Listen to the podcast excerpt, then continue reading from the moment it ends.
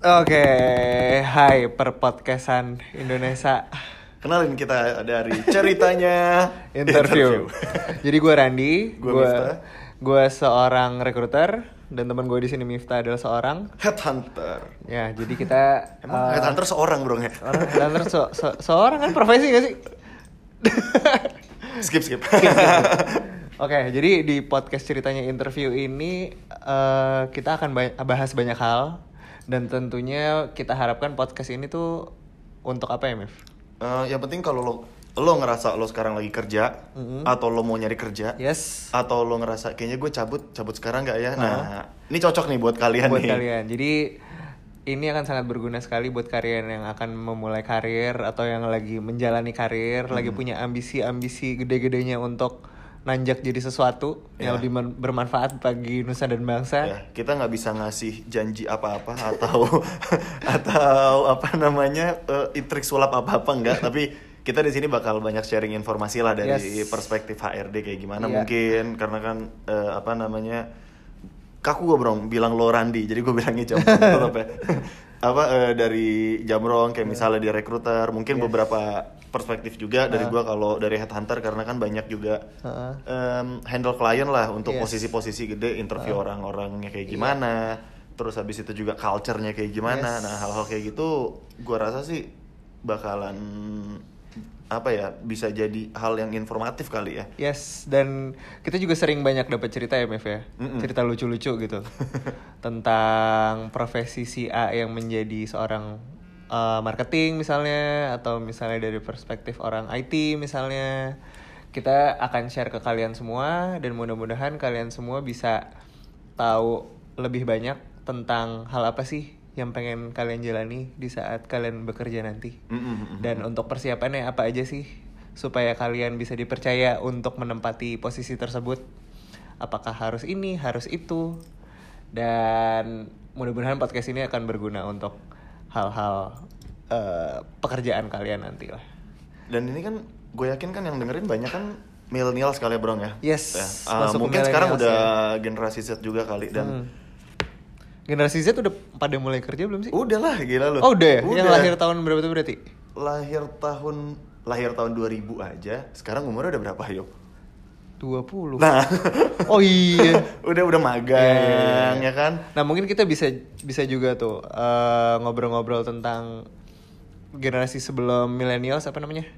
X Nah generasi X sama millennials kan gapnya juga udah lumayan tuh. Iya. Cerita-ceritanya kan udah unik-unik tuh Mm-mm. antara generasi sebelumnya sama generasi sekarang. Nah apalagi udah ada generasi baru yang akan memasuki dunia kerja, pasti dinamikanya bakal lebih seru ya. seru seru apalagi kayak lu pernah gak sih atau sekarang kayak di kantor lo tuh anak paling muda tuh umur berapa bro Di kantor gue. iya yang lo kenal atau yang lo tahu yang gue Kan lo kan juga rekrut yang kan? gue tahu eh yang pernah kalau yang pernah gue rekrut termuda adalah cuma dua tahun di bawah gue oh cuman kalau misalnya orang yang udah ada di dalam itu ya tiga tahun di bawah gue sih kayaknya Masih- maksudnya nggak yang nggak yang bocah-bocah banget gitu sih Oke, karena di Heeh. kantor gue iya umurnya 21, Hmm, iya. 20, itu 21, juga ada kayak 20 banyak ya. Gila, ini gue yang tua apa gimana? iya nah tapi di kantor gue tuh yang yang lim, yang 40-an banyak Iya. 50 masih ada sih beberapa Iya.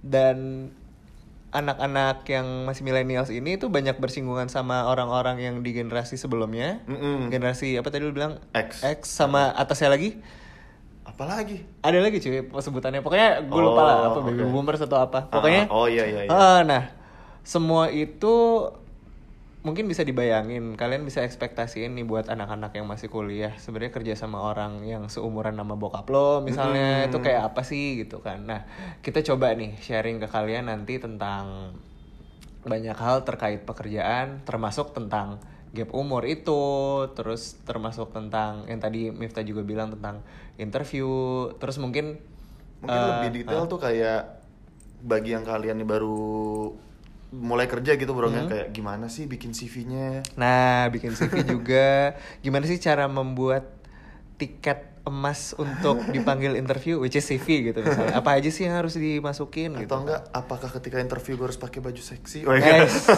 Biar diterima. Dari terima. Nah, mungkin kita juga akan nanggepin beberapa isu yang sempat apa beberapa isu yang sempat rame juga. Iya. Di saat waktu itu ada anak fresh grade yang minta gaji 8 juta. Apakah itu etis atau tidak? Apakah itu bisa dilakukan oleh semua orang? Mm, mm, mm. Apakah semua orang melakukan itu? Cuma dia dia doang yang pada waktu itu viral atau Iya. gimana?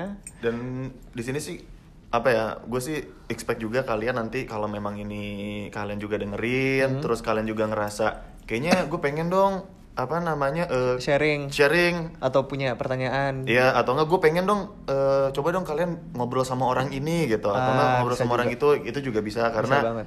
di sini kita juga nggak mau ngobrol cuma berdua nih gue sama Jamrong doang gue pengen nanti Jamrong juga mungkin bisa invite siapa gue Yes. juga bisa invite siapa dari Yes. eh, apa namanya company atau yang lagi handle posisi apa jadi. Yes. Biar makin ngelebar gitu loh pembicaraan dan topiknya Intinya, di saat kalian lulus kuliah, kalian ingin kerja, segala proses yang kalian lalui itu pasti menimbulkan banyak pertanyaan. bener Kayak yang tadi kita Kapan eh, nikah? Nggak. Enggak. Iya, tapi Ya kan pas lulus kan tapi- gitu. Iya, tapi benefitnya beda tau kalau udah nikah, punya anak.